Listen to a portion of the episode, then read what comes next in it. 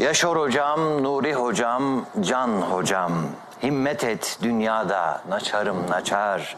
Ben sizi dinlerken, sizi okurken sanki firdevsteyim, uçarım uçar.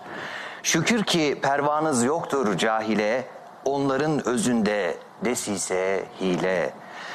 Bu bir sırdır, kimde ne var, kim bile gerçek meclisinden kör olan kaçar. Mahzuni özümdür cenneti ala. Müminle birliktir o kalu bela. Sizden memnun olsun Hazreti Mevla. Aşık söze hakka geçer mi? Geçer. Aşık Mahzuni Şerif. makamını cennet Amin amin. Çok da güzel yazmışsınız hocam Aşık Mahzuni Geçen gün Şerif'i. aa, orada yazmıştım ba- başka mektupları da. Evet. Oğlu kaç sene önce demişti bana. Ne olduysa öyle bir onlar da geldi. Ah, çok güzel.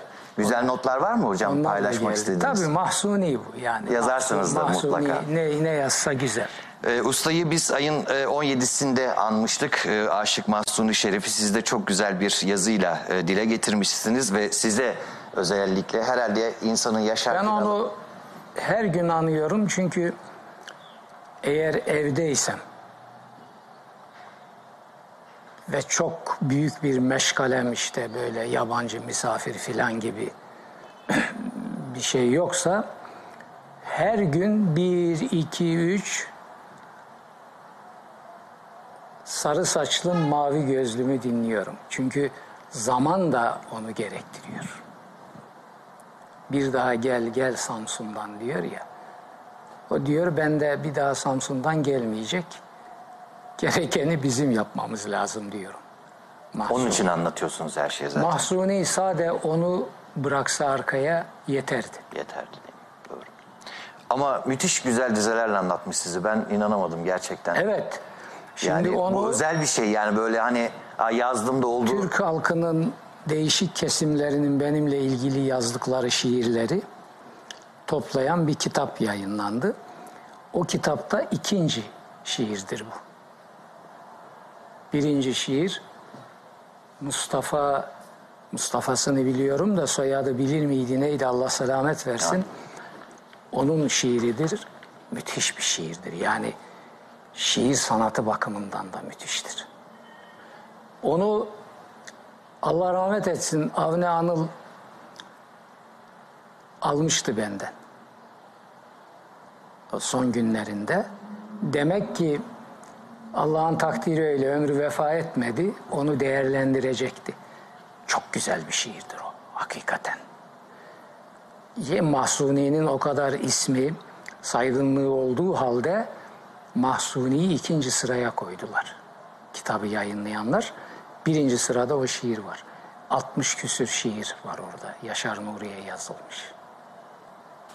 İnanılacak gibi değil. Ustayı saygıyla, rahmetle anıyoruz. Nur içinde cennet yatsın, olsun. mekanı cennet cennet olsun. Ee, sarı saçlım, mavi gözlüm dediğiniz gibi bu hafta her alanda da e, çaldı. Ee, sizin 19 Mayıs'a ve Kurtuluş Mücadelesi'ne ilişkin izlenimlerinizi alacağım ama bu kötülük e, toplumu müthiş yankı e, yaratacak galiba. Kötülük toplumu ikinci baskısını da yaptı. Yaptı bile maşallah. Ee, üstadımız Uğur Dündar e, son derece güzel ifadelerle bu hafta kaleme O almış. Ona, ona yakışanı yaptı. Gerçekten öyle. Yani Ee, gönlünün büyüklüğüne yakışanı yaptı. Yakışanı derken e, görevi değil ama gönlü öyle. Gönlü öyle hiç bırakmıyor bu şeyi de. Yani o insanlar bakın Türk basınının bugün yerlerde sürünen haline bakın. Ama Uğur Dündar gibiler var. Yani Uğur Dündar var yani bana göre Allah'ın lütuflarından biri. Kale gibi. Kale gibi. Maşallah Allah eksik etmesin doğru. E, kitaptan son derece önemli notları e, paylaşmış bu hafta e, 21 Mayıs tarihli yazısında. Sonunu da şöyle bitiriyor. Dostu olmaktan gurur duyduğum Profesör Doktor Yaşar Nuri Öztürk, Kur'an verilerine göre kötülük toplumu yeni boyut yeni yayın evi diye eklemiş. Adlı yeni kitabıyla kendi tespiti de çok güzel burada. Allah ile aldatmanın saltanat haline getirildiği ülkemizde bir din alimi olarak üzerine düşene her zamanki cesareti ve engin bilgisiyle yerine getiriyor diyor. Bizse dünyaca saygın bu bilim adamının başucu kitabı olarak sunduğu eserini okumak ve okutmak kalıyor diye de tamamlamış yazısını. Ellerine sağlık e, Sayın Uğur Dündar'a. Buradan izliyorsa selamlarımızı da Yüreğine sağlık. kendisine de iletmiş olalım. E, şapka ve kazak rengiyle hemen ben devam edeceğim. Müthiş bir uyum da var hocam. Şapka da harika. Şapkayı kızım bugün getirdi. Bunu giyeceğimi biliyor, o takip eder. Bunları iyi de bilir. Zaten bu kaza filan da o getirdi. Geçen hafta giydiğim kazada. O böyle seçer, getirir. Yani benim Size ne yakışacağını güzel. Bugün bunu hemen bana ulaştırdı. Bir tane de yanında lacivertimsi var. İki tane almış. Ama bu böyle tam cuk diye oturdu. Baba kız ilişkisi de meşhurdur bizim toplumumuzda hocam. Ne dersiniz?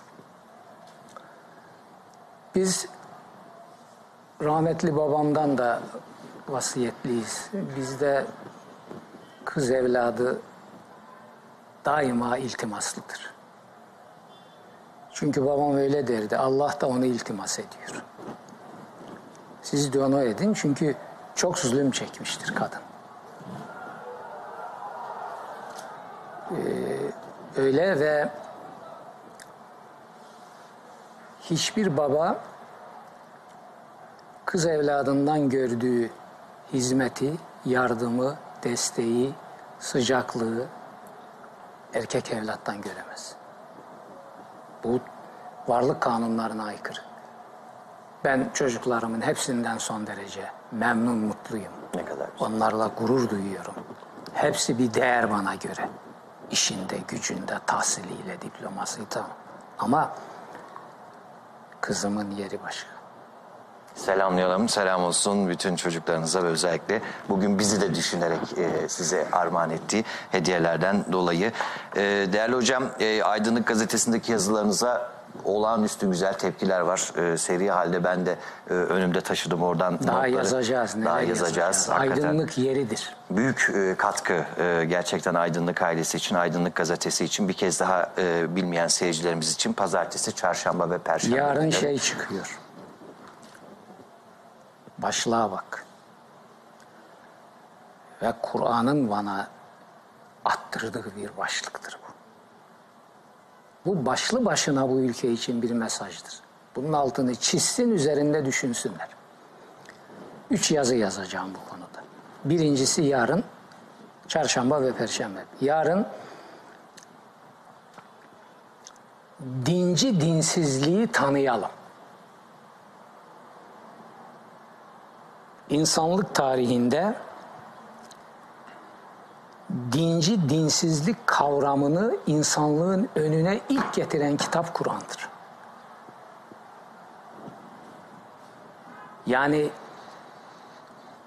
bir kitabın, bir metnin, bir mesajın gerçekçiliği başka nasıl ortaya konur? Bir din kitabı bu ya. Temel konusu Allah ve din. Dinci dinsizlik kavramına yer veriyor. Maun suresinin verdiği mesaj temelde budur. Dinci dinsizlik.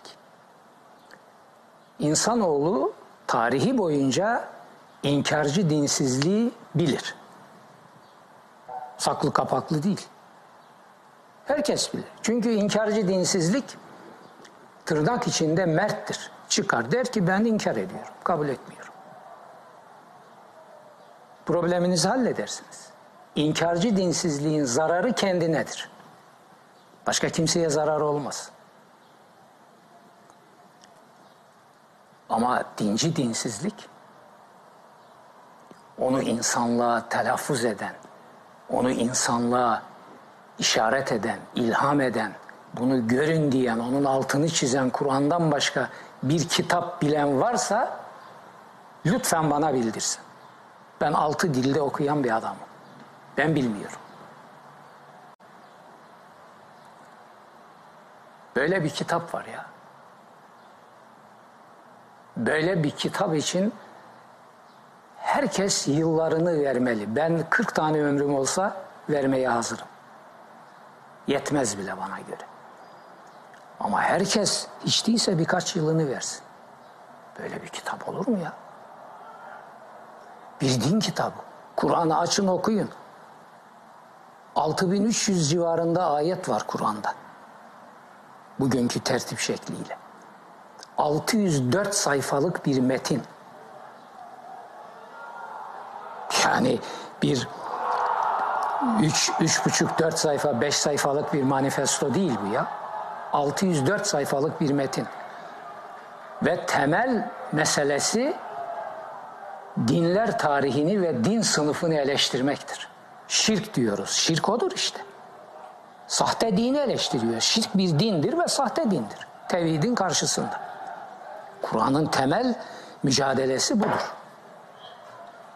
Bunu nasıl görmüyor insanlık ya? İnsanlık bunu görmeden nereye gideceğini düşünüyor. Ve Kur'an bu soruyu sormuştur aynen bu ifadelerle. Anlatıyor, anlatıyor, anlatıyor kendini sonra diyor ki فَاَيْنَ تَذْهَبُونَ Bütün bunlar böyleyken nereye gidiyorsunuz diyor. فَاَيْنَ تَذْهَبُونَ Aynı iki kelime. Nereye gidiyorsunuz diyor. Bakın şimdi onu da aydınlığın sayfalarına taşıyacağım.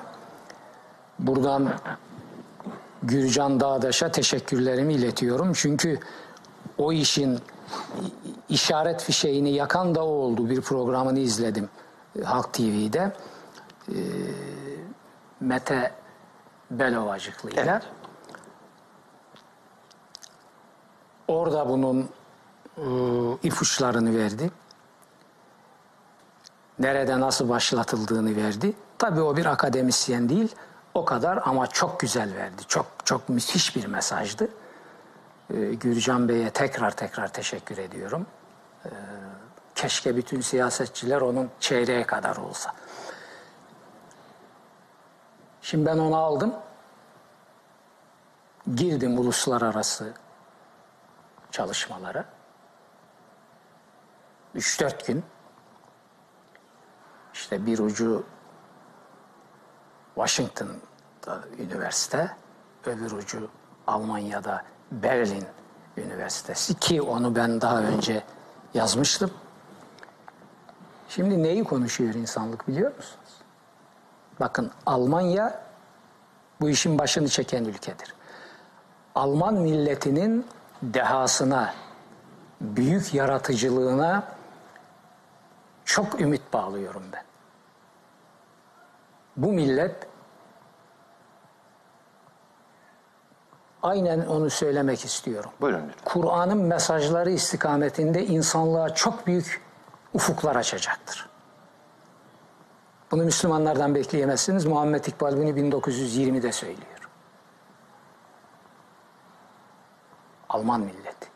Amerika onu takip ediyor. Amerika aptal değil tabi. Orada da bir yaratıcı kadro var. Orada da büyük beyinler var.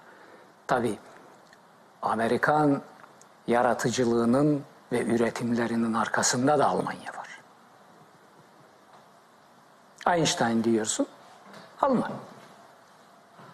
Paul Tillich diyorsun, Alman. Falan diyorsun, Alman. Filan diyorsun, Alman. Ticari sınai kuruluşlardan fikir hayatına kadar. Onun için Alman milletine Cenab-ı Hakk'ın Kur'an mesajı üzerinden insanlık çapında büyük bir görev vereceğini düşünüyorum ben ve buna inanıyorum. Ha bir şey daha. Bunun oluşmasında benim de payım olduğuna inanıyorum. Alman milleti aptal değil. Alman milleti dahi bir millet, ciddi bir millet, büyük bir millet. Yapılanları beş, ikisi yolda yedi tane doktora tezi benimle ilgili yapılmış. Hiçbir faniye nasip olmamıştır. Ya İngilizceleri, Fransızcaları bir kenara koyuyorum. Almancaların diyorum. Buraya getireyim bir gün bir tane görün. Koca 400 sayfa. Bir de bunları başladılar yayınlamaya. Bunlar üniversitelerde durur. indekslere konur.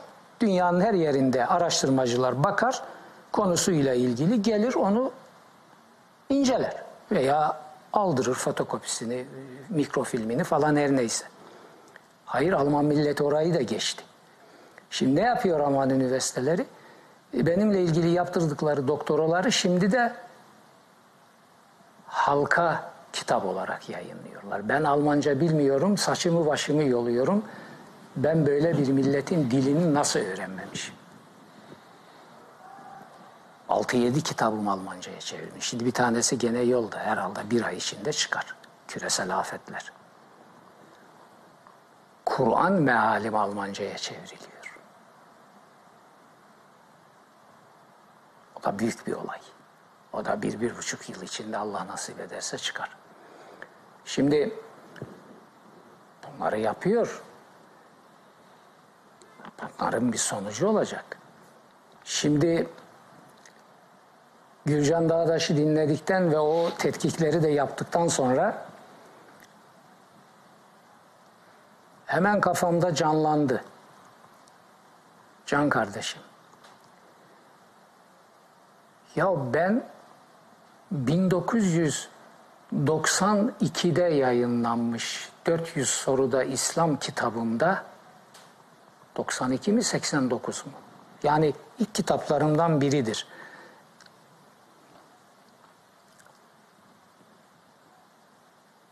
Orada 400 soruda İslam yağdı.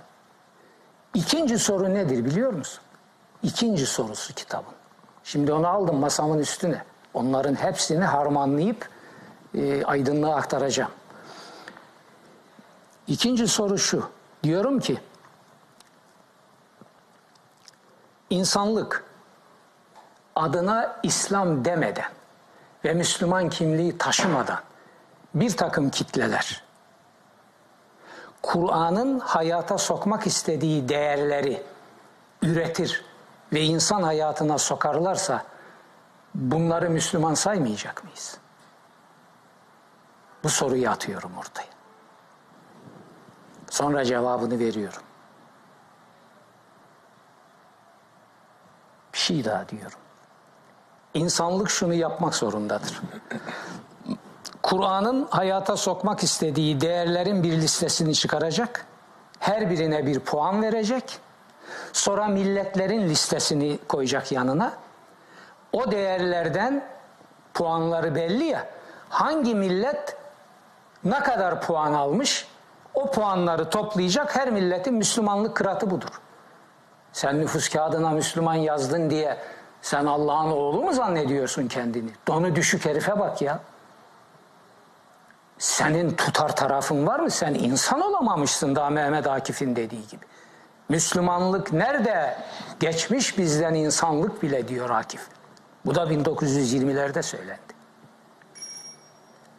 Ne Müslümanlığı ya? Nüfus kağıdıma yazdım. Benim babamın tapu. Yok öyle bir şey. Kur'an öyle değil. Hayır Kur'an diyor ki biz Müslim sıfatı taşıyor diye mücrimlere Müslüman muamelesi yapmayız. Efenecalül müslimine kel mücrimin. Hiç açık kap bırakmamış. Şimdi nere geldik demin dediğim Washington'da üniversitenin yaptığı ve Almanya Berlin Üniversitesi'nin yaptığı, yapmakta olduğu ne biliyor musun? Benim 20 küsür sene önce hasretini çektiğim ve insanlığın önüne koyduğum sorunun cevabını ve icabını yapıyor. Ne yapıyor? Yaptıkları şu. Diyorlar ki biz Müslüman nüfus kağıdı taşıyanları bir kenara koyalım. Kur'an'ı onların tasallutunun veya onların hegemonyasının, onlara bağımlılığın diyelim dışında ele alalım bir koca bir kitap. Ve bu kitabın insan hayatına katmak istediği değerlerin aynı yani benden almış gibi.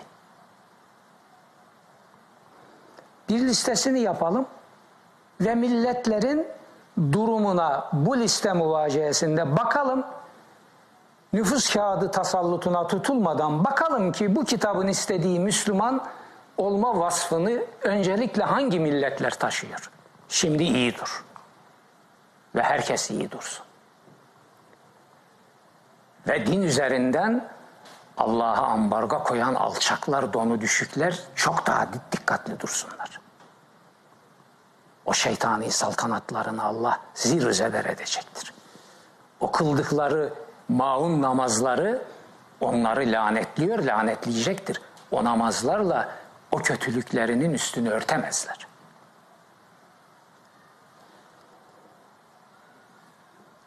Yapıyorlar tetkiklerini. İçinde iki İranlı profesör de var bu heyetin. Sonuca bakar mısın şimdi? Kur'an'ın değerlerine göre Müslümanlık tespiti yaparsak bir numaralı Müslüman ülke kim çıkıyor biliyor musun? Yeni Zelanda. İki numaraya kim çıkıyor biliyor musun? Yani düşün hadi şunu. İsrail. Sonra Norveç, işte İskandinav ülkelerinin aşağı yukarı tamamına yakını ki ben o ülkelerin hemen hepsine gittim konferanslar verdim. Danimarka gibi bazılarına ise Norveç gibi devlet misafiri olarak çağrıldım. Danimarka Kültür Bakanı yardımcısıyla birlikte yıllar önce Sapanca'daki evime geldi davetini orada bana yöneltti. Gittim sekiz konferans verdim. Beni orada eller üstünde ağırladılar. Her akşam televizyondaydım. Ve sokaklarda çok da genç bir nüfus var o ülkede. Sokaklarda e, o bakanlar bana refakat ediyorlar. Gezerken gençler yaklaşıyordu. O kadar televizyondan artık aşina oldular ki. Oh sir, you should be Yaşar Nuri Öztürk. Sen Yaşar Nuri Öztürk olmalısın. Akşam izledik seni biz. Filan. Bunları yaşadım ben. Bak o ülkeler çıkıyor listenin başında. Şimdi dönelim bu tarafa. Müslümanlığa ambargo koymuş donu düşük takıma. Nüfus kağıdına damgayı basmış dedesinden kaldığı için ben diyor. Allah benden sorulur. Bir yerinden başlayayım. İran. Kaçıncı sırada? Bir tahminde bulun bakayım. Öyle bir liste verdiniz ki herhalde sondan 10 falan olabilir mi? 167. sırada. Yani yakın yani. İnana, inanılacak. Suudi Arabistan Daha da aşağıdır. 165. sırada veya Tersi, Tersi. olabilir. Anladım. liste uzun çünkü. Mustafa Kemal ışığıyla aydınlanmış Türkiye.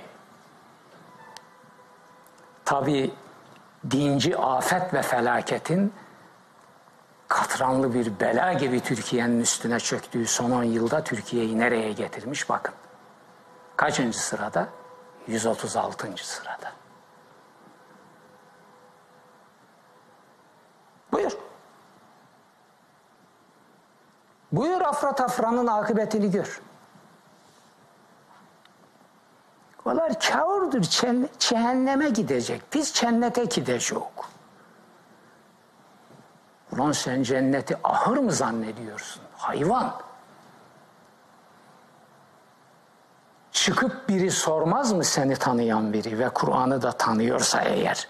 Ki bak işte başladı. Bak. Benim sorgulamalarım solda sıfır kalacak bundan sonra. Göreceksiniz. Sormaz mı birileri? Bana bak arkadaş. Sen cenneti ahır filan mı zannediyorsun? Senin gibilerin gideceği yer ancak ahır olur. Allah'ın halis müminlerine vaat ettiği cennet senin gibi hayvanların gideceği bir yer olabilir. Hala bağırıyor herif.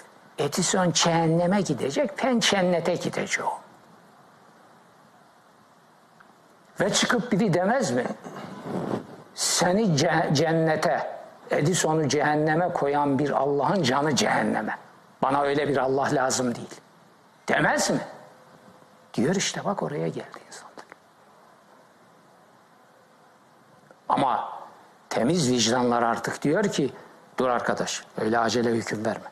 Yazık günah. Somutla soyutu birbirine katma.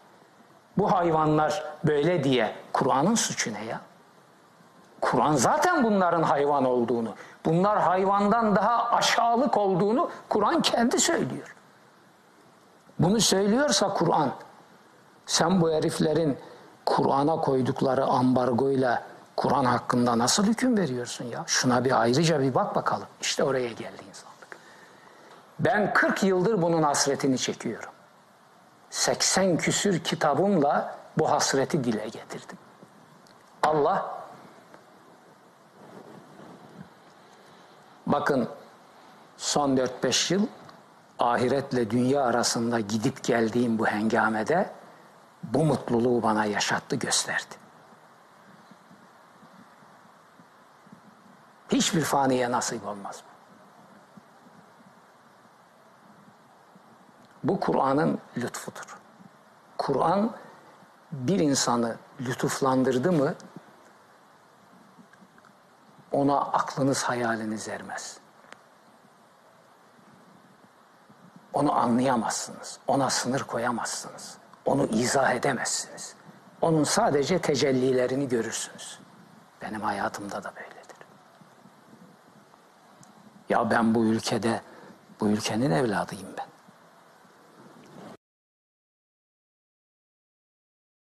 ...35 yıldır bu halkın, bu ülkenin bana yaptığı zulümlerle boğuşuyorum.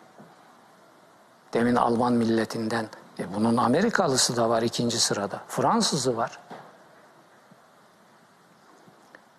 Şimdi ha bir şey söyleyeyim. Bugün gülüyordum da evde dediler ki niye gülüyorsun? Bunun gülünecek nesi var?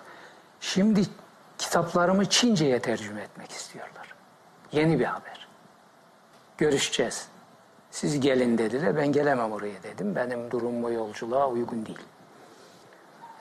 Onlar gelecek. Bunu koymuşlar kafaya. Çince'ye. Ya ben bunları hayal edebilir miydim? İngilizcesine eyvallah, Almancasına eyvallah, Rusçasına eyvallah, Romencesine eyvallah, Farsçasına eyvallah, Fransızcasına eyvallah. Japoncasına da eyvallah. O da birkaç ay önce çıktı. Çalışılıyor. Çince. Aklımın ucundan geçmez benim. Hak tecelli eyleyince böyle yapıyor işte. Şimdi diyeceğim şudur.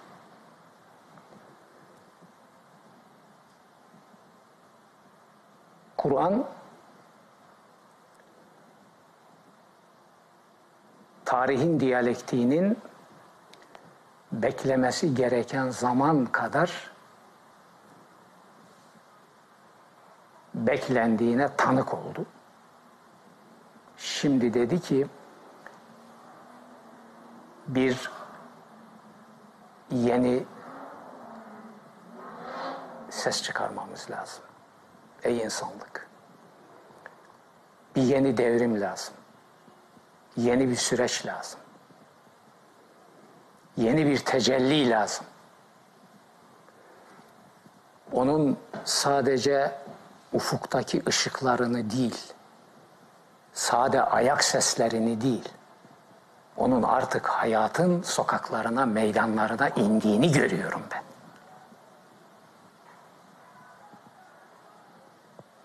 Daha kim bilir neler göreceğim. Daha çocuklara dedim ki çocuklar anlaşılan o ki ben daha çok göbek atacağım bu evde. Böyle bazı haberler gelince daha çok göbek atacağım. Şimdi oraya geldim. Buyurun hocam. Onun için herkes aklını başına devşirsin. Herkes Kur'an'ın eskilerin tabiriyle himmetinden, bereketinden bu dönemde, bu müstesna dönemde bana ne düşer diye bir gayretin içine girsin. Ve biz bu Türkiye'nin aydınlıkçı ve aydınlık kelimeyi lügat manasıyla kullanıyorum. Kurum olarak da oradan hakkınızı alın çünkü öyle. Cumhuriyetçi insanları bunun farkında olmalı ve Türkiye'yi düştüğü dehşet verici katrani karanlıktan kurtarmak için bu imkanı değerlendirmeliyiz. Başka türlü bu ülke ayağa kalkamaz. Yüz küsür bin caminin her gün gazetelerde onları da yazacağım. Şimdi namaz kitabım çıkacak. O yine tablolar var orada. Yüz küsür bir caminin açıkça artık, açıkça ve alçakça, tarih bunu kaydetsin, açıkça ve alçakça parti lokali gibi kullanıldığı bir ülkede siz bu camiyle ve bu din istismarı ile ve bu Allah ile aldatmayla hesabınızı görmeden nasıl ayağa kalkacaksınız? Bir daha gel gel Samsun'dan. Gelmez. Gelmez. Tarih Atatürkleri göndermede hiç cömert değildir. Bin yıllık bir zorbalık, tasallut, zulüm ve karanlıklar hengame ve hegemonyasının arkasından Atatürk gelmiştir. Atatürk İmam-ı Azam'ın 767'dir ölümü.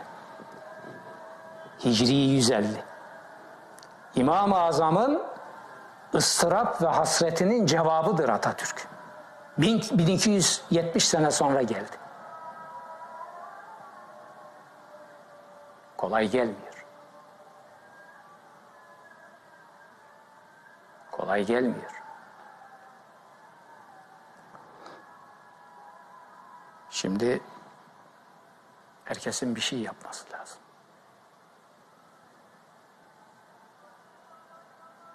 En büyük insanlık görevi bugün budur. En büyük onur budur. En büyük sorumluluk budur.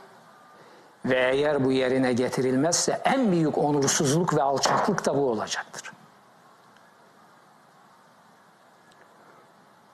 Cumhuriyet evlatlarının bunun farkına varmaları lazım.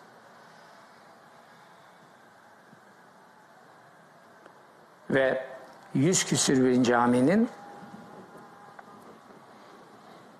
dincilik, zulüm ve ihanetinin ve firavunluğunun tasallutuyla parti lokali gibi kullanıldığı bir coğrafyada sizin akıl, bilim, aydınlık, insan hakları, paylaşım adına hiçbir değeri hayata geçirmeniz mümkün değildir. Bunu çözeceksiniz. Ben bunu Atatürkçü geçinen angutlara 30 senedir söylüyorum anlatamadım. O angutluğu aşan tek yer burasıdır. Ben onun için buradayım. Yoksa ben programda yapıyordum. Gayet ferah feza. Şimdi ciddi bir tarihi dönemeçteyiz. Çok ciddi tarihi bir dönemeçteyiz.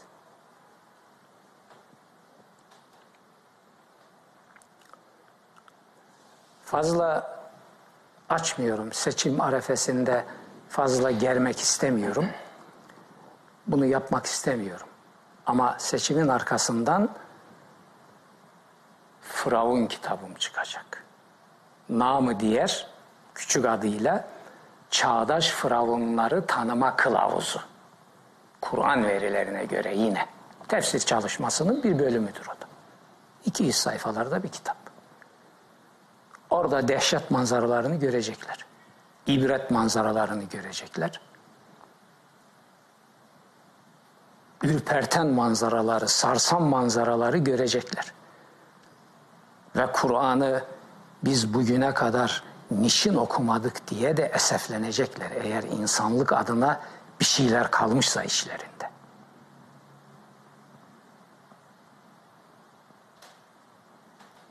Kur'an okunup bilinmeden olmaz bu. Bakın ben Kur'an'a inanarak falan bir ve böyle bir şey demiyorum ben. O beni ilgilendirmez. O herkesin şahsi işidir. Ve ben şundan emin bulunuyorum. Kur'an'ı bu dediğim manada okuyan bir adam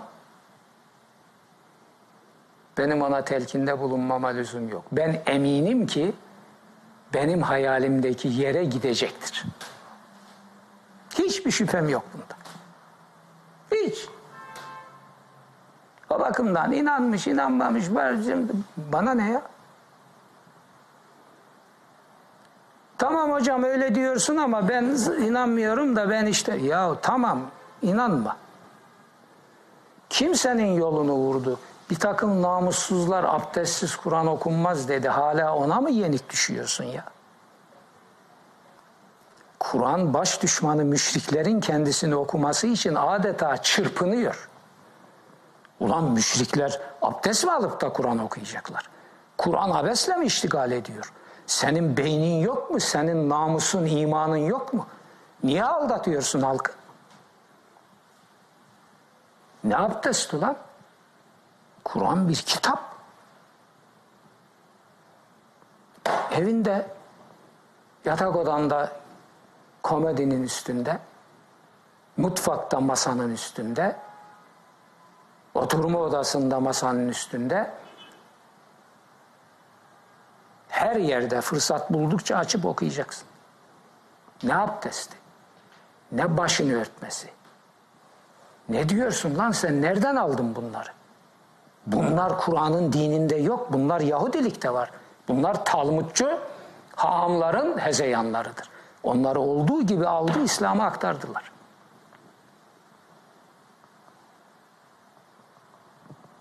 Kitap al oku. Oku sonra konuşalım. Ne var canım mı çıkar yani? Üç ay verip okusan. Oku bak bakayım bir daha bırakabilecek. O kadar sürmüyor bile doğru. Bir oku bak. Hocam müthiş e, giriş yaptınız. E, gündem başlıklarını sıralamadım ama, Ama ne giriş. Hepsine e, tek tek yanıt verdiniz. İşte bu e, günün en üzücü haberlerinden biri işte IŞİD 400 insanı katletti e, Suriye'nin kuzeyinde. E, işte hani bir seçime doğru gidiyorsak kim kime nasıl yön verecek iyi düşünsün. Bunların hepsi vebali İşte vardır İslam değil mi? dünyası dedikleri bu. Bu, bu oldu Onun maalesef. için bakın insanlık nereye geldi. Öyle bir anlatım Bunlardan oldu ki. ayrı olarak Kur'an'ı biz müstakil ele almamız lazım diye. Öbür şeyi soracaktım ama vazgeçtim. Ee, öyle bir anlattınız ki onu an, verdiniz zaten. Ee, bir siyasetçinin ismi salavatın içinde zikredildi. Günün e, çarpıcı haberlerinden de biri oydu. İnanılacak gibi değil. Efendim ne demek ya neler var ya. Yani şu son son yıllarda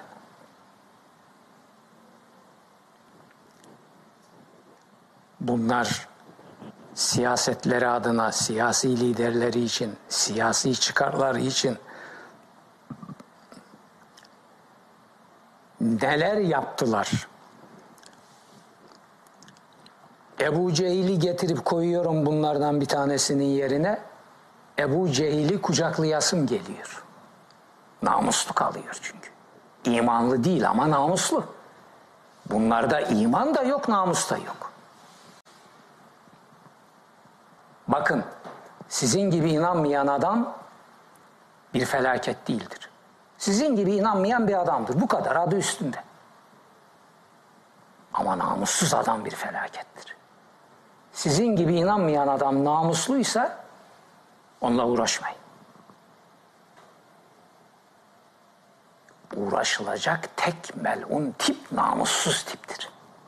Türkiye'nin bir numaralı belası da budur. Türkiye'nin tek derdi namuslu adam derdidir.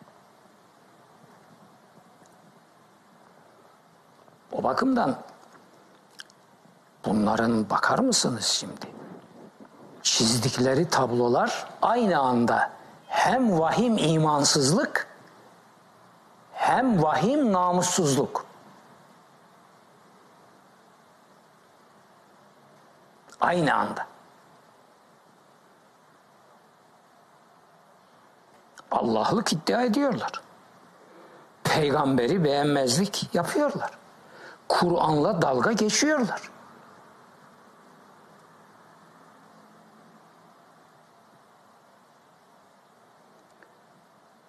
Ne kalıyor geriye? Geriye ne kalıyor? Halk diyorsunuz bu halk. Halk mı bu? O 120 küsür, 120 bin civarındaki camiyi camiye bakarak bu halkın Müslüman olduğunu söyleyebilir misiniz? Böyle bir Müslüman halk olur mu?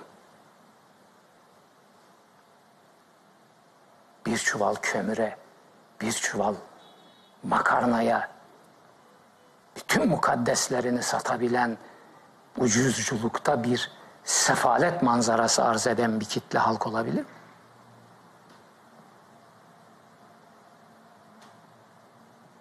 Ben bu, bu halka mı yaranacağım ben ya? Benim kadr kıymetimi bilsin. Bilmiyorsa canı cehenneme. 35 senedir ben bunun zulmüyle boğuşuyorum. Bana sadece nankörlük etmedi bu halk. Zulmetti. Zulmetti, zulmetti. Sağcısı, solcusu, Atatürkçüsü, dincisi, liberali hepsi birlikte. Hatıralarımı bir gün bu millet okuyacak. Orada isimleriyle he, hepsi tablolar halinde. Süleyman Demirel'inden Recep Tayyip'ine kadar.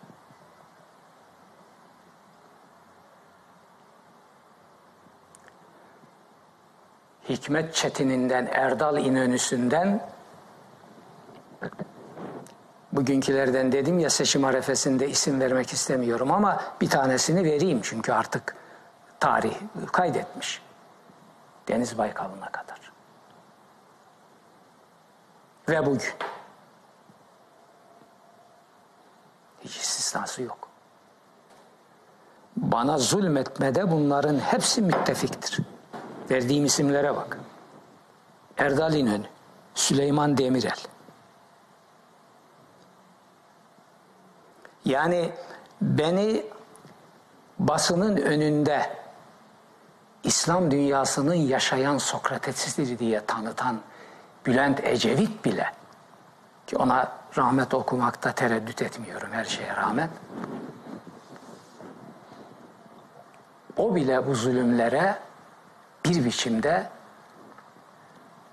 dahil olmuş veya alet edilmiştir. Benim kitaplarıma ambargo koyanlar o devirde koydular. Onun has bakanlarından biri olan Hüsamettin Özkan bu işin başını çekti. O günkü Diyanet İşleri Reisi denen cinayet reisiyle birlikte. Ecevit'e açıp konuşuyorum.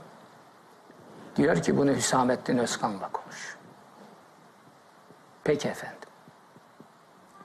Hüsamettin Özkan'la konuşuyorum. Biz kurumların işlerine, iç işlerine karışmayız diyor. Diyanetten sorumluydu o zaman. Ya Sayın Bakan, ben akıl düşmanı mıyım? İlim düşmanı mıyım? Cumhuriyet düşmanı mıyım? Kur'an düşmanı mıyım? Ne için benim kitaplarıma bu Diyanet denen bu cinayet kurumu ambargo koyuyor? Hala o ambargo devam ediyor. Bekledim bir sürpriz çıksın Recep Tayyip Erdoğan kaldırsın o ambargoyu. Bakın o günahta onun dahli yok. Onun adı çıkmış. Bir Alo Fatih'le benim programımı durdurdu. Tamam. Ama bunu, bunu izah ederim ben. Benim kitaplarıma ambargo koydurdular 1980'li 90'lı yıllarda. Benim yurt dışında verdiğim konferanslar ki tamamına yakını Türk hariciyesi tarafından düzenleniyordu. Konsolosluklar, başkonsolosluklar, elçilikler. Şifreli kripto ile bunları yasaklatan Recep Tayyip veya ekibi değildir. O zaman ne Recep Tayyip var ne AKP var hiç adı bile yok. Kim? Veriyorum. Defalarca ekranlarda verdim ben bunu.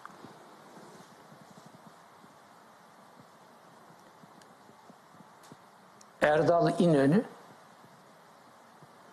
kendisine ben o zaman Heybeliada'da oturuyorum. O da gelip gidiyordu. Karşılaştık. Sohbet beni övmeye başladı. Göklere çıkarıyor. Hop dedim. Ben böyle bir iki yüzlülüğü sessizce dinleyecek bir adam değilim. Ben Karadeniz çocuğuyum. Benim bir delikanlı ruhum var. Size inanmıyorum dedim. İnandırıcı değilsiniz. Şaşırdı. Anlattım. Benim Avrupa'da verdiğim ki her ay iki, üç, bazen dört konferans veriyordum.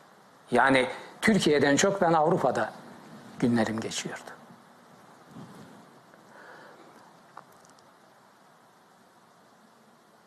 O yasağı getiren resmi yazının altında sizin imzanız var. Beni aptal filan zannetmeyin. Benim de dünyadan haberim var. Olur mu öyle şey dedi. Farkında olmadan imzalamışım. E bu daha vahim dedim. Siz o makamda farkında olmadan bu imzaları atıyorsanız dedim. Vay halimize. Devlet Bakanı. Erdal İnönü. Ekrem Ceyhun. Süleyman Demirel'in papuççu başı. Takunyacı başı. karanlığın has dostu, aydınlığın amansız düşmanı bir adam.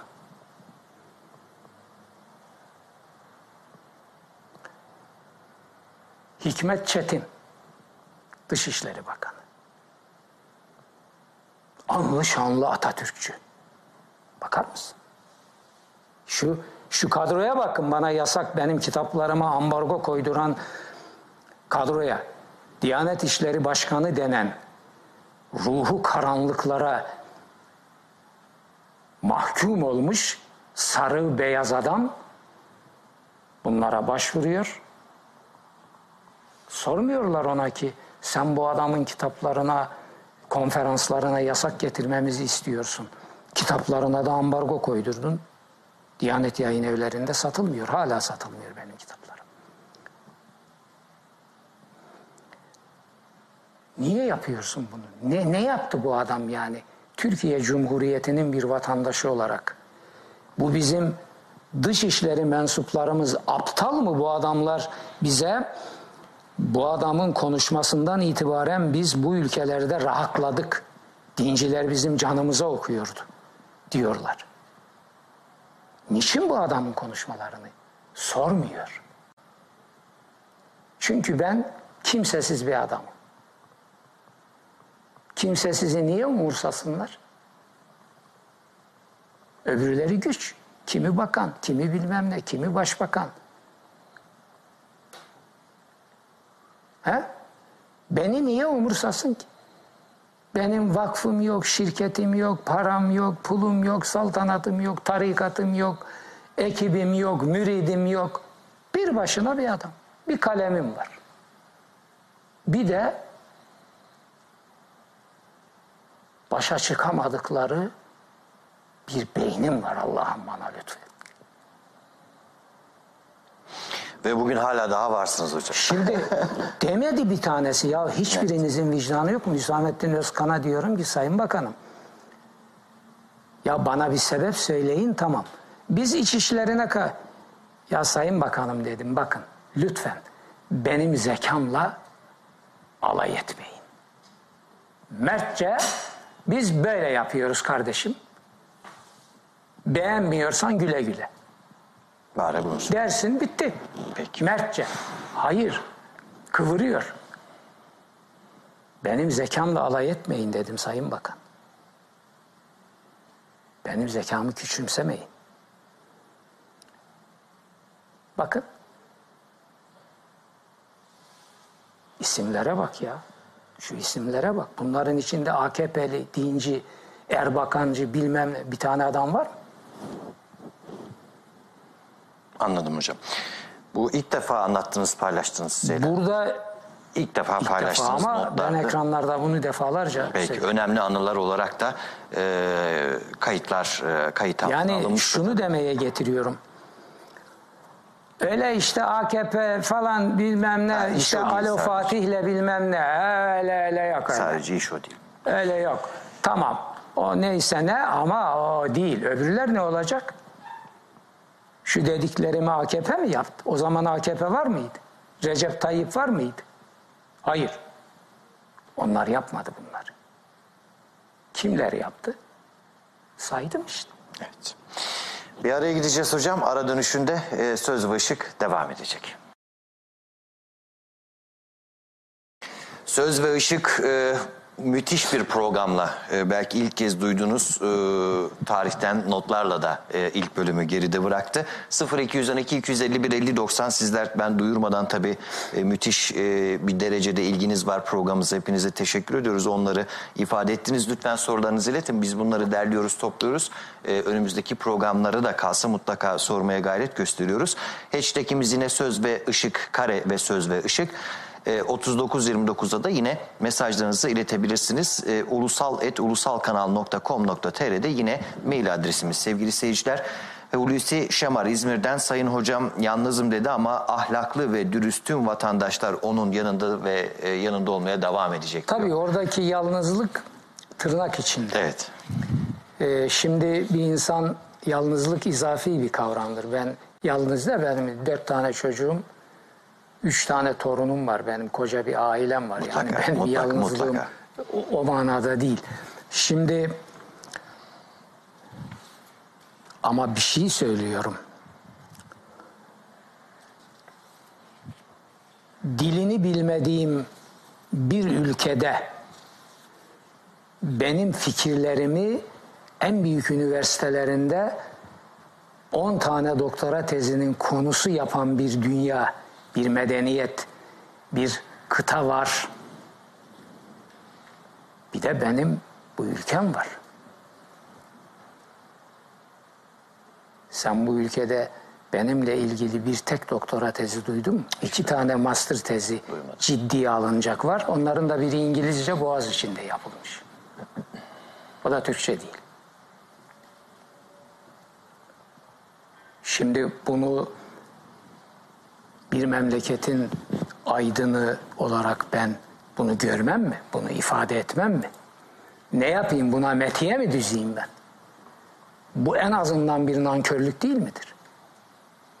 Ha biri çıksın baba yiğit desin ki ne konuşuyorsun kardeşim? Doktora tezi yapılacak ne yaptın da biz yaptırmadık? De, de bakayım. O zaman İngiltere'den Yapanlar niye yaptı değil mi? Tabii. Kaliforniya'ya kadar, Marsilya'dan Tahran'a kadar o dünya ölçeğinde üniversiteler aptal mı diye ben sana sorarım ve senin aptal olduğun çıkar ortaya.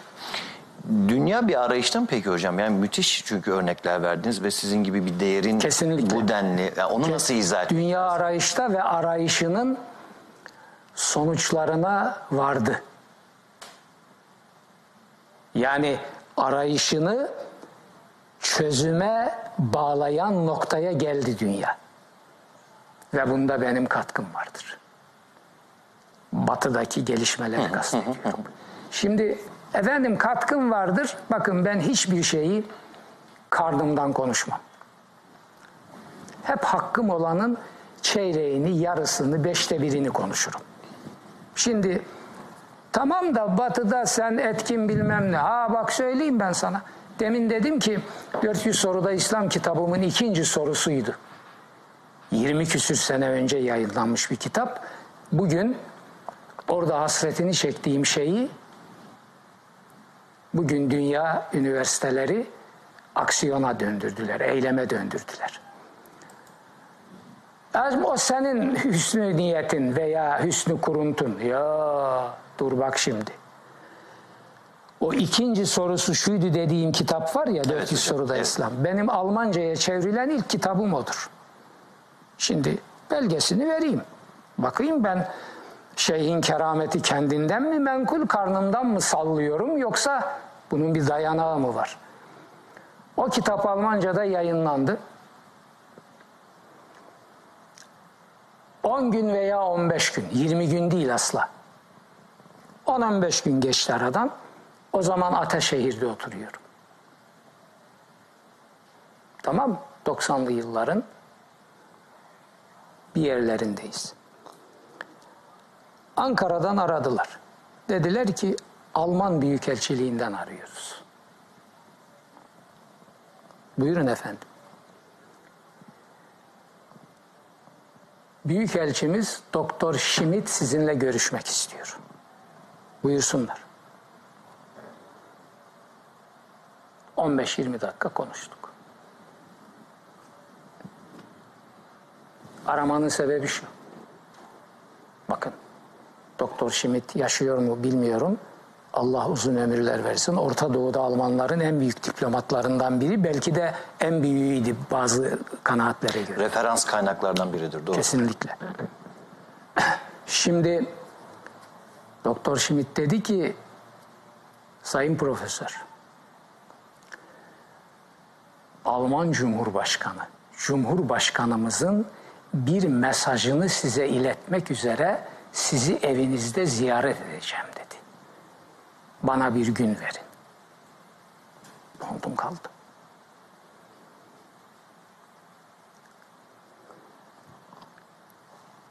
Başım üstüne dedim. Daha yani geleceğini düşündüğüm için bir daha nedir o mesaj falan hiç. Gün verdim. O koca adam koruması ile birlikte arabasıyla geldi Ataşehir'deki evimin önüne Adamları aşağıda bekledi. Yukarı evime çıktı. Ben onu ağırladım.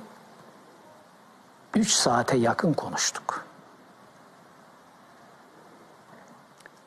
Alman Cumhurbaşkanı Rauf'un Allah selamet versin.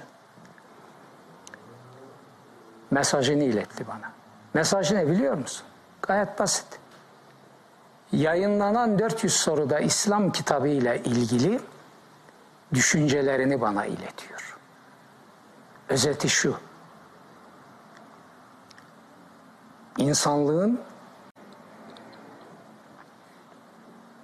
böyle aydınlatıcı bir evlada sahip olmasından ben gurur duyuyorum bir cümle. Bakar mısınız ya?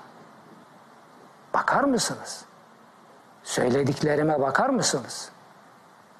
Bunlar isimler veriyorum, belgeleri. Her şey ortada. İkincisi, insanlığa bu düşünceleri aktardığınız için insanlık size medyunu şükran olacaktır dedi. Ben de bir insanlık evladı olarak size teşekkürlerimi iletiyorum. Takdir ve tebriklerimi iletiyorum. Bir de Almancayı bu kadar mükemmel yazan bir mütercimi nasıl buldunuz? Onun için de sizi ayrıca tebrik ediyorum. Biraz esprili. Ki onu bulan da ben değilim. Düsseldorf'ta kitaplarımı yayınlayan Gruppello Verlag'tır. Şu hassasiyete, şu dirayete, şu yüreğe bakar mısınız? Yani insanlık adına üretilmiş bir değeri. Ben sıradan bir Orta Doğu ülkesinin sıradan bir profesör, üniversite hocasıyım. Mesajı gönderen kim? Koca Alman devletinin cumhurbaşkanı. Sonra biz Schmidt'le dost olduk. Defalarca buluştuk. Schmidt gittikten sonra gelen arkadaşa aynı şeyleri iletti.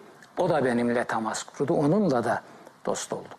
Sonra ben İstanbul'da olduğum için İstanbul'da Alman başkonsolosluğunda o zaman Allah selamet versin Mükelman vardı.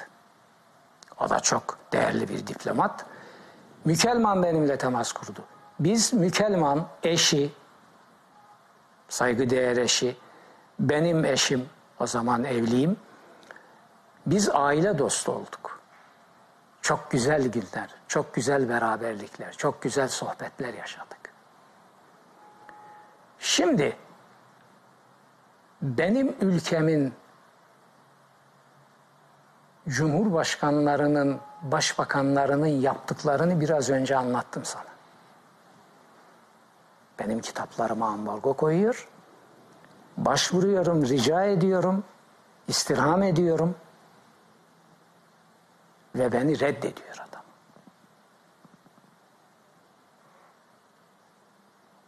Bugün hala geçerli ama değil mi bu red? Tabii. O zaman nedenini Tabii açıklamalarını yani talep o, ediyoruz buradan. O kriptolu, o şifreli kripto, onu da söyleyeyim. Hiç artık e, saklamaya gerek yok. O zaman ben e, Stuttgart'ta konferanstayım. Çağıran da Stuttgart Türk Başkonsolosluğu. Allah selamet versin Fatma Hanım diye çok dirayetli bir diplomat başkonsolos var o zaman. Biraz sohbet edelim dedi. Gittim. Çok üzgün ve çok öfkeli. Sayın Öztürk dedi. Söylediklerini hep söylemeyeceğim. Çok yıkılmış durumdayım dedi. Bugün aldığımız şifreli bir kriptoya göre bugünden sonra seni biz bir daha Türk dışişlerinin herhangi bir birimi adına bu ülkede konferansa çağıramayız dedi. Ve o günden beri de çağıramamışlar. Buradan açıkça sesleniyoruz. Başka aracı herhal. vakıfları şunları bunları koydu, desteklediler filan öyle birkaç şey oldu ama o tavsadı gitti. yani ben ayda 3-4 konferans veriyordum Almanya'da. O hala devam ediyor. Ulusal Kanal haberinin takibindedir. E, açıkça çağrımızdır. Derhal buna yanıt verin. Neden bu ambargo sürüyor? Ben çok istiyordum. Recep Tayyip o deli yüreğine yakışan bir şey yapsın da desin ki ya ben de fikirlerine katılmadığım çok şey var ama bu olmaz ya. Bu olmaz. Kaldırın şunu. E, Diyeceksin ki der mi? Makul görüyorum. Ben ona onun için kızmam. Anladım hocam. Kitaplarımın ambargo konmuş üstüne.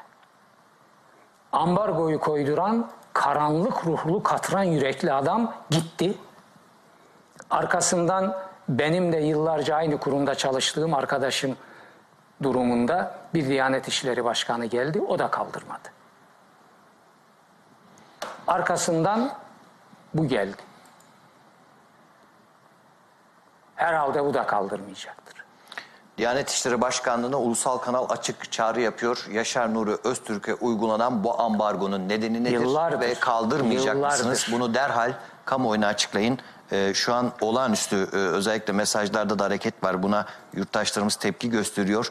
Ee, onca e, kişinin e, Suudilerin bile kitaplarını Diyanet İşleri üzerinden yaydınız da Yaşar Nuri Öztürk'ün nasıl yaymazsınız diye müthiş de bir Onu tepki var. şimdi vicdanında Buradan da seslenmiş olalım.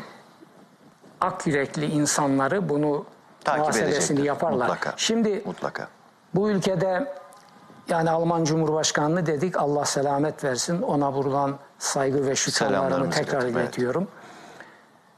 Dedik yalnız bir haksızlığa düşmemek için bir şey söyleyeyim. Buyurun hocam. Beni Allah ile aldatmak kitabım yayınlandığında telefonla arayan bir cumhurbaşkanı olmuştur. Bir tek istisna odur böyle böyle küçük bir parantezin içinde.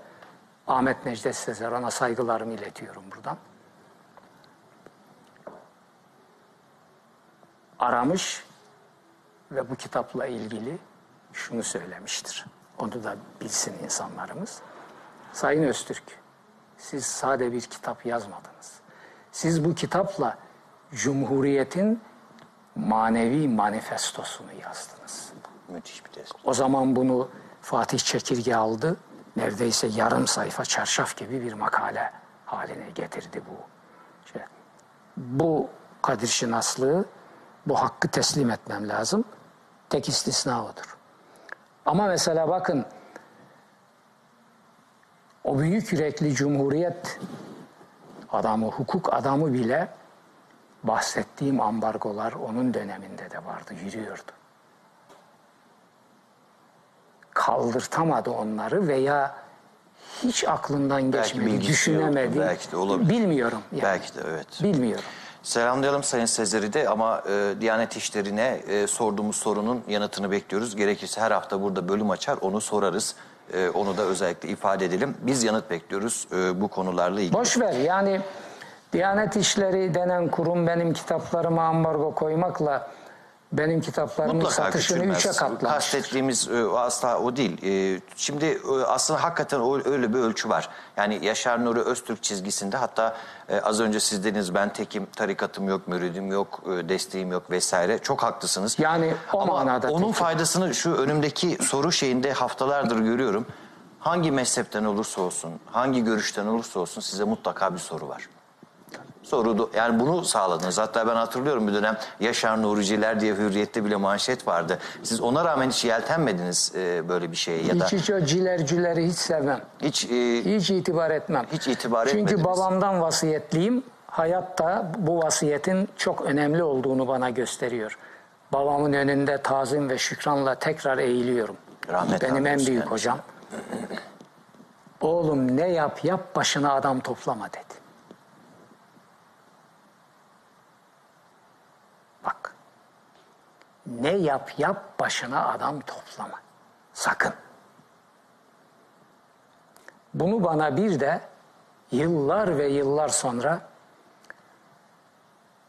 doktora tezimle ilgili ondaki bazı yazma belgeleri rica etmek için kendisiyle birkaç e, oturum görüştüm. Profesör Süheyl Ünver, tıp profesörü Cerrahpaşa'da görüştüm kendiyle birkaç defa. O da enteresan bir şekilde yani o da benim babam yaşında bir adam. Bana dedi ki evladım sende dedi zamanları aşacak bir büyük pırıltı görüyorum. Kimse seni tutamaz dedi. Yalnız senden dedi bir şey rica edeceğim. Sakın başına adam toplama. Aynı babamın kullandığı cümleyi kullanarak. Aman dikkat et. Sakın başına adam toplama. Bakın ben büyük dedesi babamın dedesi yani. Hem büyük bir ilim adamı, lakabı allame, hem de bir kadiri icazeti olan bir tırnak içinde şey. Babamın amcası. Biz ona da Hasan dede derdik, Şeyh Hasan dede. O Nakşi tarikatı üzere Posnişin hala kabri ziyaretgahtır.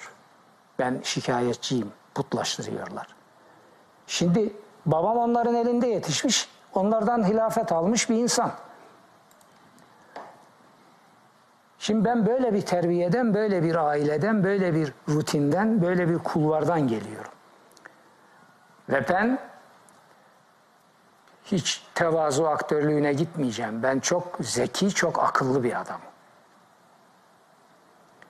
Ben bunları kullanarak acaba bu ülkede başıma adam toplamaya kalksaydım bana hangi teklifler neler geldi onları saymıyorum burada tenezzül etmiyorum. Kalksaydım şöyle çıplak düşünelim. Neler yapardım? Asla tevessül etmedim. Bahsedildiği yerde kırdım attım. Eğilimi gördüğüm yerde çiğnedim geçtim. Teklif edildiği yerde tokatladım, savurdum. Babama şükranlarımı arz ediyorum. rahmetle anlıyoruz.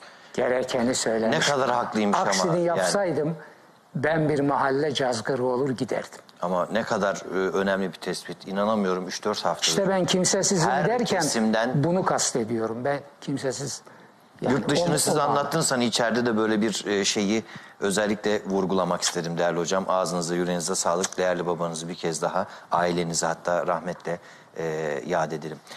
Ve Kur'an verilerine göre kötülük toplumu e, içinde bulunduğumuz hafta 19 Mayıs e, Gençlik ve Spor Bayramı olarak Atatürk'ün Samsun'a çıktığı tarihi anlattık. Kutladık. Kutladık. Sizin özellikle bu konuyla ilgili bir kitabınız var. Milli mücadeleyi anlatan e, süreci Aa, ama onu zaman bir gün, zaman onu bir gün konuşalım. mutlaka Şu Buyurun hocam. Kur'an penceresinden Kurtuluş Savaşı'na bir bakış. Bakış müthişti. Ve sizin bu yayınlarda e, izlerken e, birkaç programınız özellikle verdiğiniz birkaç örnek çok tüylerimi diken yani bizim kendi içimizden biz bu işi çözememiş ama böyle İranlı, Mısırlı o dönemin e, Kur'an çevirilerini yapan hocaların dahi Kurtuluş Savaşı'na atıfta bulunarak e, yorumlar Bakara suresi üzerinden vesaire yaptığını ifade etmiştiniz. Bir dinleyelim hocam sizi. Tantaviyim, Mısırlı Sanki isim olarak anımsayamadım. Bakın ve yüzyılımızda tefsir ilminin en önde kabul edilen adamı. Tefsir ilminde bir devrim. Arap oğlu Arap. Tefsiri 13 ciltlik tefsirinin Mısırlı mıydı araya? Mısırlı. Mısırlı. Bakara suresini tefsir eden kısmında Cumhuriyet dönemini, milli mücadeleyi, Kurtuluş Savaşı'nı, Atatürk'ü değerlendiriyor. Bakar mısın? Tüylerim diken diken olmuştu onu Onu getir ha onu getirelim bir gün buraya koyalım. Yani hangisini getirip Ya. yapacaksın, edeceksin bunları ama onu yapalım. Hakikaten çok e, inanılmazdı hocam. E, Kur'an verilerine göre e, kötülük toplumunda Kur'an-ı Kerim'de özellikle kavimler üzerinden de çarpıcı örnekleri yansıtıyorsunuz. Eğer e, toplum kendine gelmez, Kötülük kendini toplumunun bakın kötülük toplumunun prototipleri toplum toplum bazında prototiplerini veriyor Kur'an. Başta Lut kavmi. buyurun. Sonra ekip bazında prototipleri veriyor. Sonra kişi bazında prototipleri veriyor. Demiştim ya geçen şeyde Kur'an gündem yaptığı hiçbir kavramı onun bunun lakırdısına bırakmaz. Bir biçimde bir yerinde bir şekilde adam gibi okursan onu açıkladığını görürsünüz. Hiç Kur'an açıklamadık bir kavram bırakmaz. Kur'an'ın en iyi tefsircisi bizzat kendisidir. Hatta onun mahbedi olan Peygamber Efendimiz bile Kur'an'dan sonra gelir. Kur'an'ın müfessiri olarak. Gayet tabii Allah'ın koyduğu e, sistem bu. Kur'an'ın en büyük müfessiri bizzat Kur'an'dır. Bunları açıklamıştır. Hiç ortada bırakmaz. Kötülük toplumunun toplumsal prototipleri, ekipsel prototipleri, bireysel prototipleri. Bunları örnek veriyor ki bize hikaye anlatmak peşinde değil. Kur'an işin dekoruyla, ismiyle, cismiyle hiç uğraşmaz. Bu felsefi özü, bu felsefi tabiri caizse ili esas alır. Onu bize vermeye çalışır. Bu kitapta okuduğunuzda bunları göreceksiniz. Şimdi kötülük toplumunun prototip toplumu Lut toplumudur. Lut peygamberin toplumu. Bu prototip toplum, bak şimdi. Nedir bunun tipik özelliği? Lanetli bir toplum. Bir kötülük toplumu. Kavm-ı Su, Kur'an'ın tabiriyle. Niye? Ne özelliği? Ha.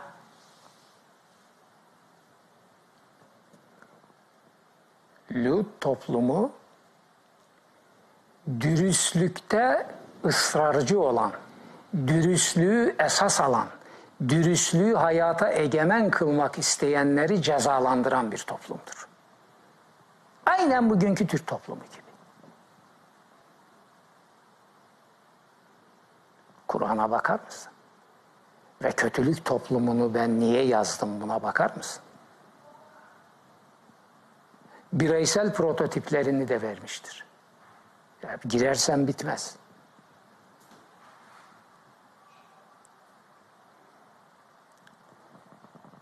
ekipsel prototiplerini vermiştir. Şimdi kötülük toplumunun tabi teknik açıdan onlara ayrı kitaplar yaptım. Aslında ikisi bir kitap olabilirdi. Ne derdi? İşte kötülük toplumu ve Firavun falan karma karışık olur. Şimdi arkadan yine bu, bu ebatlarda Firavun geliyor. Namı diğer çağdaş Firavunları tanıma kılavuzu. Onunla birlikte kötülük toplumu oradan çıkarılacak dersler ve kötülük toplumuna yaratıcı iradenin kestiği ağır ceza faturası. Bizim toplumumuz için en hayati noktası işin burasıdır. Ben bu ceza faturasının Ra'd suresi 11. ayete göre ki orada kötülük toplumu tabiri kullanılmıştır. O kelimeler kullanılmıştır. Kavm ve su. Ben bu Türk toplumuna bu ağır faturanın kesildiği kanaatindeyim. Onun için 10 küsür yıldır içinde kıvrandığımız karanlık badire bitmemiştir. Onun bitmesini hak edecek bir şey yapmadı Türk toplumu. Türk toplumuna yol gösterdiğini, çıkış getireceğini söyleyen siyasiler de yapmadı. Hepsini takip ediyor, değerlendiriyorum. Ben felsefe kariyeri, hukuk kariyeri, ilahiyat kariyeri ve bir akıllı adam için az sayılmayacak 10 yıla yakın da bir siyasi tecrübesi olan bir adam. Bunları görüyorum. Dedim ya seçim öncesi fazla konuşmak istemiyorum. Yakışık almaz. Ama 8 Haziran'da söyleyeceğimiz çok önemli şeyler var. Ee, Buradaki e, temel e, hareket noktasında bireysellikte bir karakter aslında analizi. Hatta hemen başlarda Adem ve Havva'dan bir örnek e, vererek e, orada esas e, insanı günaha götüren olgunun mesela işte şeytanın üflediği ölümsüzlük gibi bir kavram, bir ego olduğunu. Biraz toplumsal açıdan baktığımızda da günahında ısrar, yani ısrarla sürdürmesi. Toplum Israr etmedi Adem. Israr etse batar mı? mesela gibi. Ama şeytan ısrar etti. Allah'a kafa tuttu ve benim dediğim doğrudur dedi. Sen beni çamurdan yaratılmış basit bir mahlukla eşit mi tutuyorsun? Ben ateşten yaratıldım dedi ya. Sembolik bunlar neyse ama Tabii, tabii, bun- yani bunda yani ben hata ettim ya Rabbi ukalalık ettim senin karşında. İlmim bunları iyi tahlil etmeye yetmedi beni bağışla dese bitecek. Adem işte öyle dedi. Rabbena zalemna enfusena ve illem tağfir lena lenekûnenne minel hasirin. Rabbimiz, ben ve eşim. Biz kendimize, nefsimize zulmettik. Bizi lütfunla bağışlamazsan mahvoluruz diyor. Ve Cenab-ı Hak tevbesini kabul etti ve kurtuldu. Onun için Kur'an'ın dininde ezeli günah ve insanlığın devamlı boynuna binen ezeli günah fikri yoktur. Kilisede vardır bu. Günah da şahsilik ilkesi var. Adem'in günahı onundur. Kaldı ki o da affedilmiştir zaten. Affedilmiş bir şeyin veraset yoluyla ona buna intikali ne demektir? Yani Cenab-ı Hak şaka mı yapıyor? Adem'i affettim diyecek. Sonra da alıp onun çocuklarının ensesine bindirecek onu. O zaman affetmemiş olur. Kiliseye bu çarpıklıkları sempol soktu tabii. Paulus. Kur'an dini bunlardan münezzehtir. Onları da burada tahlil ettim ben. Tabii. Hem de ne örnekler var. Evet. Hem de ne örnekler var. Bireysel olarak kurtuluş o o zaman. Bir kendimizi bileceğiz. Haddimizi bileceğiz. Kurtuluşun senin elinde. Senin elinde. Ee, toplumlar için... Kurtarıcı kavramı Kur'an'da yoktur.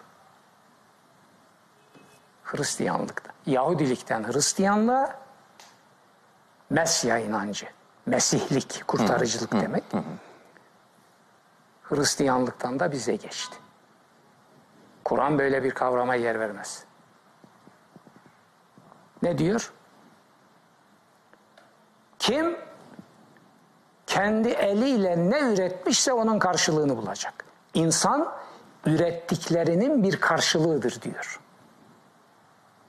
Değişik ifadelerle 50 50 türlü vermiştir bunu.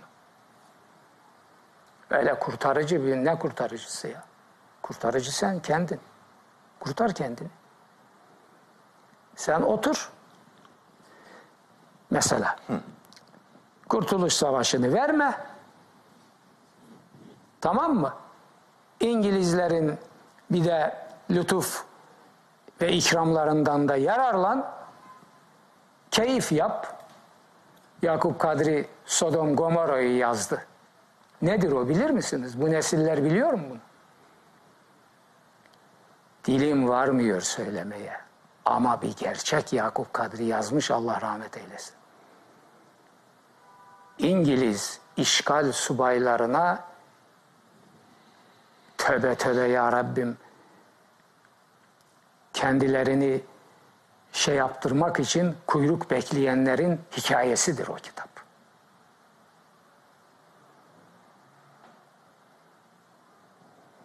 Sen öyle yap, mandacılık diyorlardı o zaman değil mi? Gelsin bizi manda kurtarsın onlar bizi adam ederler. Bu tam Pavlusi bir anlayıştır. Kilise anlayışıdır. Kilise bunu o milletlerin başına bela etti ama laiklik sayesinde onlar bunu Fransız devrimiyle yıktı, yok ettiler. İşte sövüyorlar bizim dinciler Fransız devrimine. Ha, niye sövüyor? Çünkü Kurtuluş Savaşı'nda benzeri var. Orada da Mustafa Kemal ne dedi? Ne demek kurtarıcı ya? Kurtarıcı biziz. Kurtarılması gereken de biziz. O zaman kendimizi kurtaralım. Suriyeli kumandana ne diyor? Efendim biz de sizin gibi bağımsızlığımızı kazanamaz mıyız? Fransızlar anamızı ağlatıyor.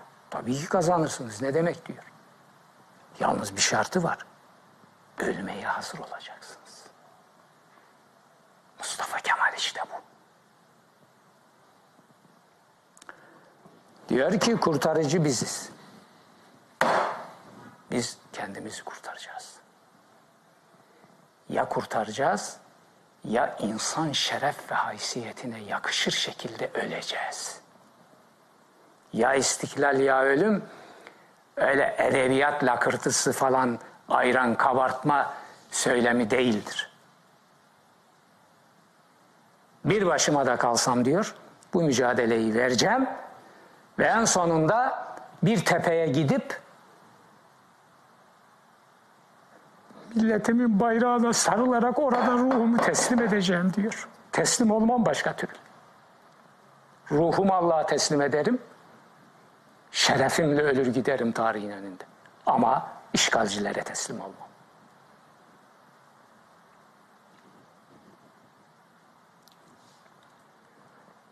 Şimdi Mustafa Kemal'i anlamak lazım. Mustafa Kemal'i anlamadan ne bu ülkenin kurtulması mümkündür ne İslam dünyasının. Bunu hep söylüyorum yıllardır. İnsanlık beni bir gün bunun için anacaktır biliyorum. Bir gün İslam dünyasının kurtuluşunu ufukta bir aydınlık olarak görür ve işte kurtuluş geldi dersek kaç yıl sonra ne zaman olur bilemiyorum. Bir gün olacak. Ama zamanını bilemem. İslam dünyası o gün başladığı yerin Mustafa Kemal'in bıraktığı yer olduğunu görecektir. Onun için Mustafa Kemal bitmemiştir. Mustafa Kemal tarih olmamıştır. Mustafa Kemal yaşayan bir realite olarak tarihin önünde aksiyonlarını sürdürüyor. Hani diyorlar bu yüzyılın 20. yüzyılın en büyük hayır o yetmez. Çok ilerisini bilemem ama benim inancım o ki Mustafa Kemal 21. yüzyılında en büyük adamıdır.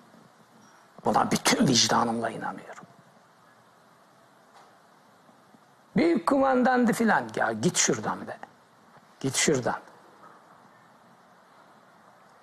Bir şey değildi diyecek de utanıyor veya korkuyor. Edepsiz.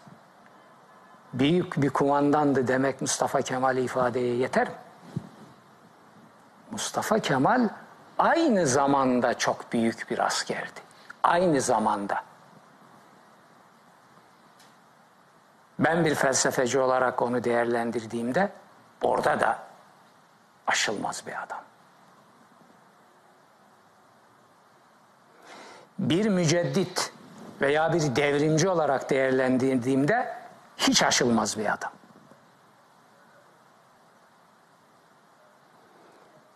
İnsan hakları saygı, insan haklarına saygı, insanla münasebetler,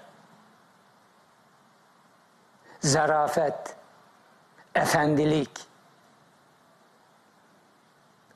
Bunlarda bile nereden bakarsanız bakın. Her birinde bir tanesini al, sade burada bu çok büyük adamdır de kimse yadırgamaz. Halbuki hepsinde büyük adamdır. Çünkü yarattığı tarih hangi alanlarda büyük ve aşılmaz olduğunu gösteriyor bize. Ya sen böyle bir şey var mı ya? Bitlerle boğuşan, sokaklarında çamurdan başka bir şeyin olmadığı bir ülkede işgal altında. Irzı namusu tecavüze uğramış. Kadınlarının yatak odalarına giriliyor. Böyle bir ülkeyi alıyor. Tek rakamlı yıllar geçmiş aradan öyle fazla falan bir şey yok. Dünyada en büyük büyüme hızı ekonomide. Yüzde bir, iki, üç, dört, yüzde dokuz, on, on bir, on iki Türkiye'nin. Buhranlı yıllarda dünyanın değil mi? Şuna bakar mısın? O ne peki? Büyük kumandandı. Bu ne? Bu ne? Bırakın üstüne bir çivi çakmayı. O mirası vicdansızca, onursuzca, insafsızca, ahlaksızca talan edip, tarumar edip yediğiniz halde bak tüketemiyorsunuz.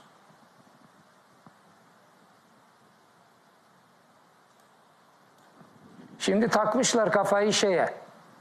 İşte son dönem deyince tamam kardeşim de ondan öncekilerine. Bugün kimse inkar ediyor mu? Son 10 yılda Türkiye'nin hukuk cinayetlerinden, hukuku katletmeden, hukuk devletini yok etmeden tutun, insan hakları ihlalinin akıl almaz korkunçlukta tablolarını yaşadığımız Türkiye'de. Bu cürümlere, bu cinayetlere imza atan şimdi devleti yönetenler diyor ki paralel kumpasçı zulüm odakları. Takkeli Firavun diyor. Kendi tabirleri diye kullanıyorum. Takkeli Firavun'unu bilmem. Ona dilim varmaz o ona Allah karar versin ama takkeli bir musibet olduğunda hiçbir şüphe yok. Türkiye'nin aleyhine çalıştığında da hiçbir şüphe yok. Bu doğru mu? Doğru. Doğru. Peki. O zaman onları o güce ulaştıran kimler? Recep Tayyip onun paraleli. Zaten paralel güç dediğine göre bir başkası olacak en az bir tane olacak yanında paralel. Peki ötekiler? Onları o güce, o payeye, o imkana, o donanıma, o kudrete ulaştıran kimler? Onlar oralara tırmandığı zaman Recep Tayyip falan sahnede yoktu. Kim vardı? Başta Süleyman Demirel vardı. 1980'lerden Söylüyor mu kimse? Tabii. He? 1980'lerden En büyük beri. güç Tabii. onlara. Ha, peki. En önde gidenlerinden biri. Tansu Çilleri.